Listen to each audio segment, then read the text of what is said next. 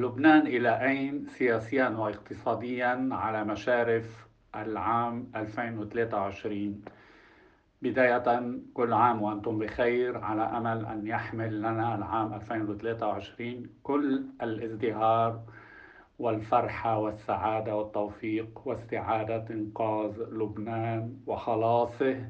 مما يعاني منه من أزمات سياسية واقتصادية ومالية ونقدية واجتماعية وما إلى ذلك. آه، الصديقات والأصدقاء في منطقة حوار وعطاء بلا حدود. الصديقات والأصدقاء المتابعون لنا في لبنان في مختلف بلاد الاغتراب تحية وبعد. مواكبة منا لآخر التطورات السياسية والاقتصادية والمالية والاجتماعية التي يتخبط فيها لبنان. وكما كنا قد فعلنا في العام الماضي في ملتقى حوار وعطاء بلا حدود وفي جمعية ودائعنا حقنا عبر لجوئنا إلى طريقة الحوارات الاستشرافية بهدف إطلاق مبادرة حوارية غير مباشرة بين اللبنانيين الذين لا يريدون أن يتحاوروا كما عرفنا في هذه الأيام بحيث أن دعوة الرئيس بري إلى الحوار قد فشلت أو أفشلت آه، في آه، آه، إشارة إلى أن لبنان سوف يستمر في معاناته خلال العام الماضي. وبهدف إذا إطلاق هذه المبادرة الحوارية الغير مباشرة التي تهدف لطرح رؤى وتحليلات عدد كبير من رجالات الفكر في لبنان من سياسيين حقوقيين قانونيين خبراء اقتصاديين وماليين مفكرين إعلاميين مثقفين وكتاب لبنانيين لامعين.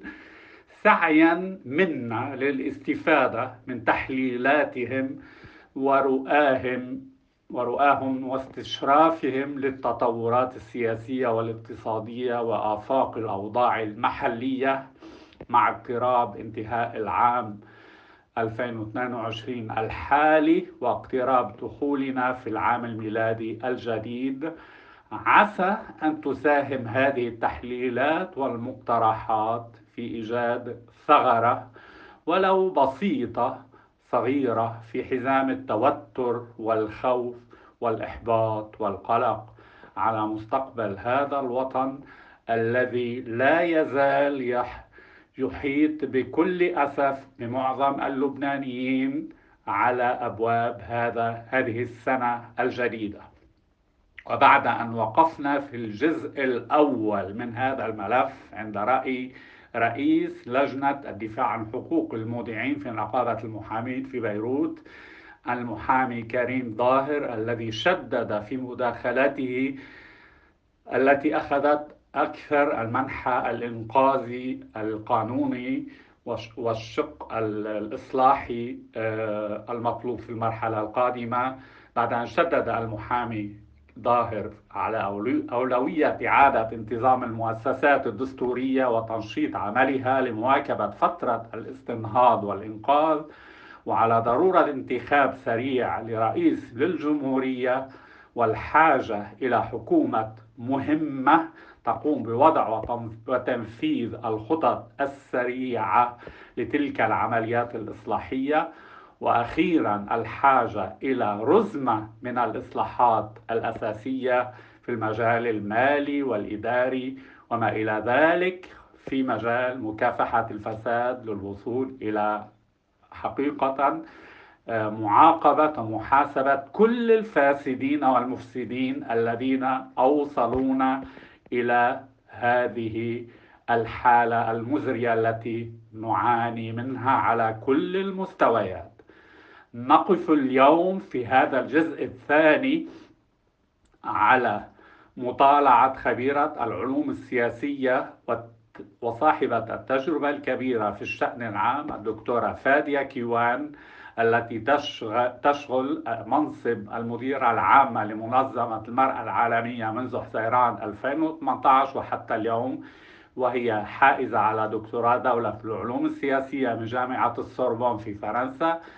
وعلى كفاءة تعليمية في الفلسفة وعلم النفس من الجامعة جامعة اللبنانية وقد دخلت إلى قطاع التعليم في القطاع الرسمي ثم انتقلت إلى القطاع الخاص كما وأنها مؤسسة ومديرة لمعهد العلوم السياسية في جامعة القديس يوسف في بيروت وباحثة في العلوم الاجتماعية والسياسية ولها العديد من المنشورات والأبحاث في لبنان والعالم العربي. كذلك هي ناشطة في المجتمع المدني ومهتمة بشؤون التنمية في مجالات حقوق الإنسان وحقوق المرأة العربية والمرأة اللبنانية والأحزاب السياسية. وكما سنرى في هذه المطالعة التي قدمتها لنا الدكتورة كيوان جوابا على سؤالنا الكبير لبنان إلى أين سياسيا واقتصاديا على مشارف العام 2023 ف الدكتورة كيوان تقول في بشكل إذا أردنا تلخيصه أننا أمام آه، خلاف سياسي عميق وحول آه، خلاف سياسي عميق حول الخيارات السياسية وأزمة ثقة بمصداقية الدولة. إذا أترككم مع هذا الجزء الثاني الثاني من آه، هذه المداخلات على أمل إرسال الأجزاء التالية لاحقا. وإذا مع مداخلة الدكتورة كيوان. كان معكم دكتور طلال حمود منسق ملتقى حوار وعطاء بلا حدود.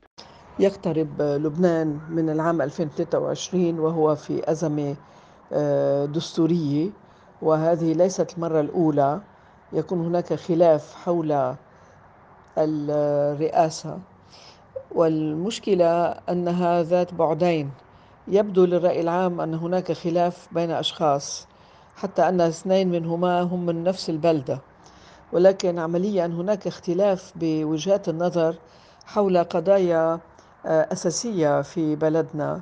هي قضايا السياسة الخارجية والدفاع المشترك وربما أيضا النظرة إلى الموضوع الاقتصادي. فالأزمة السياسية ليست أزمة بسيطة ليست تنافس أشخاص على الرئاسة مع أنها تبدو وكأنها كذلك. إنها آه، تعبير هذه الأزمة هي تعبير عن عمق الخلاف الحاصل في لبنان ولسوء الحظ الخلافات الشخصية على السطح هي التي آه، تموه أو تأخذ الرأي العام تلهوه عن الموضوع الرئيسي. فمن الأفضل أن يكون النقاش العام ويمكن لنا أن نوجه النقاش العام ليكون حول القضايا التي يمكن أن تجمع اللبنانيين أو ربما تفرقهم في وجهات النظر وهي كيفية آه، آه، آه، الإتيان بحلول اعتماد حلول للموضوع المالي الاقتصادي وهو برأيي أنا المشكلة الأساسية اليوم. ثانيا قراءتنا للأحداث والمتغيرات الحاصلة على المستوى الدولي والإقليمي وما استجد في لبنان آه، بعد ترسيم الحدود مع إسرائيل والموقف الإيجابي من الموضوع من قبل حزب الله والذي لم يقرأه البعض وما زالوا يتحدثون بنفس اللغة آه، كما كانوا يتحدثون منذ أشهر بل وسنوات. فعلينا أن نقوم بقراءة جديدة صادقة شجاعة ويجب أن نقوم بها معا لأن آه، ترسيم الحدود مع إسرائيل هو نوع من هدنة ولو كانت مائية فقط ولكنها تفتح بابا وتبقي الإصبع على الزناد. أي أن حزب الله كأنما هو آه، آه، استقطع لنفسه دور الساهر على حسن تطبيق آه، هذه الحدود البحرية. والصفحة الجديدة المهمة بالنسبة للبنانيين اليوم وهم على حافة الإفلاس هي أن إمكانية استخراج الغاز والنفط هي باب جديد يمكن أن يفتح لهم آه، باب الفرج بعد الأزمة المستعصية التي غرقوا بها بسبب التوجهات الاقتصادية والمالية خاصة الخاطئة والمجازفة الكبيرة التي قام بها مصرف لبنان وكذلك الحكومة اللبنانية خلال سنوات وسنوات. نحن اليوم نرث وضعا ليس ابن البارحة إنه تراكم لأولا ربما خيارات تكون متهورة ولا يجوز دائما أن نتهم بل يمكن أن يكون هناك خيارات متهورة ولو كانت عن حسن نية. لا يمكن أن نضع الناس في قفص الاتهام لأن خياراتهم لم تنجح. البعض راهن على سلم قريب في المنطقة وهذا السلم لم يأتي. اليوم نحن لا يمكن أن نغير ما حصل ولكن علينا أن نحاول التصحيح وتخفيف الأضرار. التأخر ثلاث سنوات في اتخاذ إجراءات زاد من الأزمة وزاد من الخسارة على اللبنانيين. وأعني بصورة خاصة على المودعين اللبنانيين وعلى القوة الشرائية للليرة اللبنانية. هذه أزمة أساسية تقض مضاجع الناس وهذه هي بداية الحلول. يجب أن يكون هناك قراءة للموضوع المالي الاقتصادي وحلول تحمي حقوق الناس وتحمي الاقتصاد الوطني وتحمي الثقة أو تعيد الثقة بالالتزامات الحكومية لأن اليوم هناك أزمة ثقة بلبنان أزمة ثقة بالمصارف أزمة ثقة بالمؤسسات الدستورية. يجب أن يكون هناك خيارات واضحة وأنا برأيي هذا موضوع سياسي بامتياز وإن كان اقتصاديا بعناوينه ولكن يجب أن يكون هو الأولوية على أجندة النقاش حول رئاسة الجمهورية وبالطبع ليس الرئيس وحده هو من سيقوم بهذه الخيارات طبعا. لكن الرئيس ممكن أن يكون هو ضمانة إذا كان شخصية معروفة بصدقها ومعروفة بخياراتها ومعروفة بحزمها وبنزاهتها بصورة خاصة.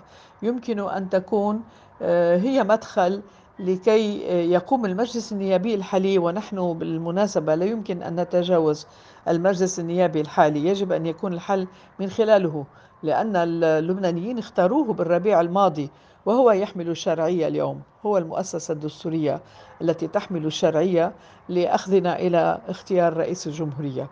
فليكن العنوان ليس الأشخاص ولكن القضايا والخيرات بالنسبة لهذه القضايا. ويختار مجلس النواب من يطمئن اللبنانيين بالنسبة لرئاسة الجمهورية. وأنا برأيي هناك مبالغة في تعظيم موضوع آه، عقد جلسات لمجلس الوزراء من دون أن يكون هناك رئيسا. آه، طبعا لا يجوز أن يجري ذلك بخفة ولكن لا بأس إن جرى ذلك إذا كان هناك مواضيع استثنائية طارئة. وعلى الجميع كل القوى أن يتقبلوا الفكرة لا يمكن أن نقول علينا أن نشل كل شيء حتى يتم انتخاب رئيس ونحن لم نتفق على رئيس. يجب أن يفهم الجميع أن مصالح اللبنانيين فوق كل الاعتبارات. بالموضوع الاقتصادي أعتقد أننا طالما لم يجري انتخاب رئيس للجمهورية والبدء باتخاذ إجراءات كفيلة بوضع حد للتدهور الاقتصادي المالي المالي بداية التدهور في سعر صرف الليرة اللبنانية الذي يؤثر بشكل مؤلم على آه، القدرة الشرائية والقدرة المعيشية للفئات الأوسع من اللبنانيين. إذا لم تتخذ إجراءات آه، حازمة بهذا المجال إذا لم يتم تحديد سعر صرف الدولار إذا لم يتم معالجة الفروقات الكبيرة بين السعر الرسمي وسعر سعر المنصة وسعر السوق السوداء. إذا لم يتم البت بموضوع تسعيرة الشيكات اللي هي بالدولار والتي آه، تم آه، تجميدها آه، لأن قيمتها كانت تخفض عندما يجري تسييلها كاش. فهذه خسارات كبيرة وهذه حفلة نصب كبيرة على اللبنانيين وتشليحهم. كذلك موضوع المودعين بصورة عامة. أكانوا مودعين صغار أم مودعين كبار؟ لا يجوز إذا أردنا استعادة الثقة بالدولة اللبنانية وبالنظام المصرفي اللبناني. لا يجوز إلا وأن يكون هناك التزام واضح وصريح بكفالة كل إذاعات اللبنانيين اللبنانيين وغير اللبنانيين كل الإذاعات المصرفية أكانت كبيرة أو صغيرة. إن لم يكن الآن فبعد حين من خلال صندوق سيادي يكون هو الضمانة ويعطى هؤلاء آه، أولوية في آه، السنوات المقبلة ويجب أن تكون الفترة قصيرة فلا تتجاوز الخمس سنوات كحد أقصى لأنه مر على تجميد ودائع الناس ثلاث سنوات حتى الآن. نحن لسنا الدولة الوحيدة التي مرت بأزمة من هذا النوع. قبرص واليونان من جيراننا مروا بظروف مماثلة لكنهم أخذوا إجراءات سريعة وتخطوها.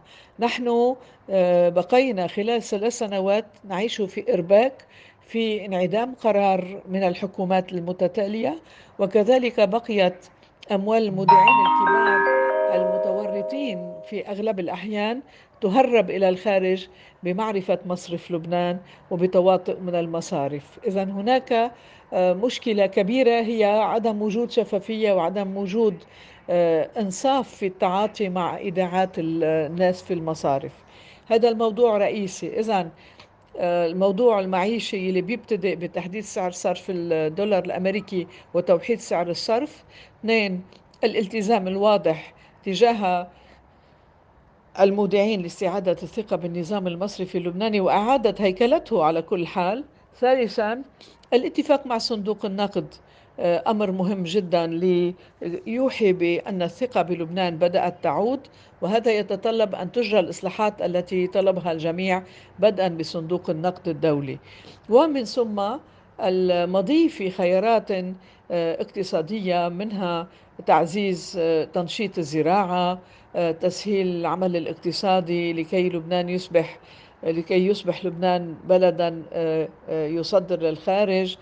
وإعادة الثقة تعيد القطاع السياحي إلى نشاطه السابق وربما يكون كذلك أفضل. هناك حاجة للنظر بدقة بموضوع التقديمات الصحية والاجتماعية. هناك آه، وضع غير سليم كذلك في موضوع الأدوية التي ما زالت آه، غير بغير متناول اللبنانيين. وهذا أمر خطير جدا.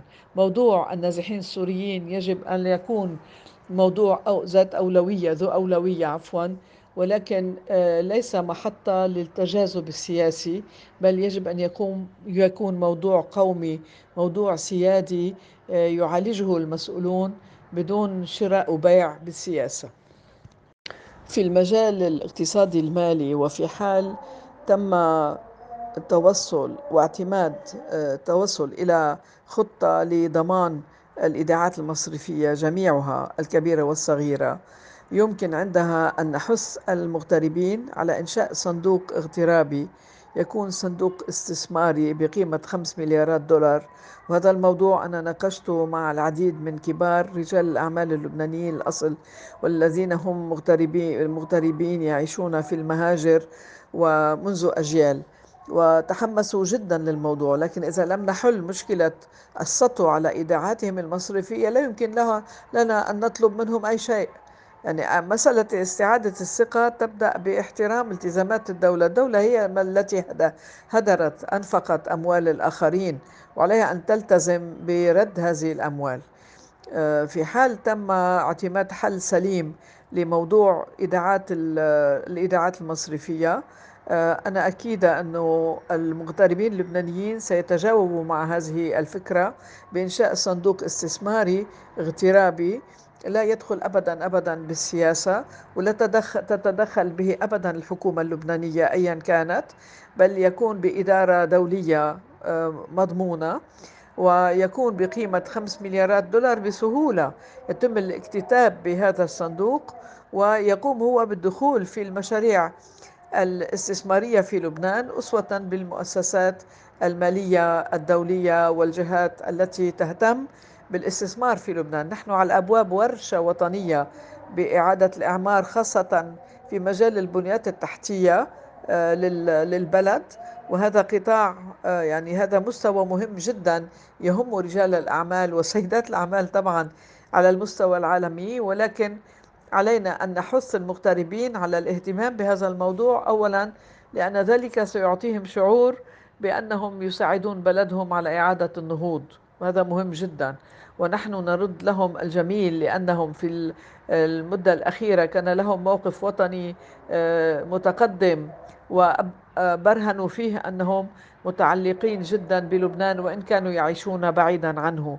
وبالتالي علينا أن آه، نعزز العلاقة بالمغتربين ولكن قبل أن نقوم بمد اليد لهم وطلب آه، ليست منحة هذه ليست منحة. هم سيقومون بالاستثمار بلبنان ولكن قبل أن نطلب ذلك علينا أن نعيد الثقة آه، ثقة الآخرين وثقة الآخرين بلبنان باحترامه لالتزاماته وعدم السطو على أرزاق الناس.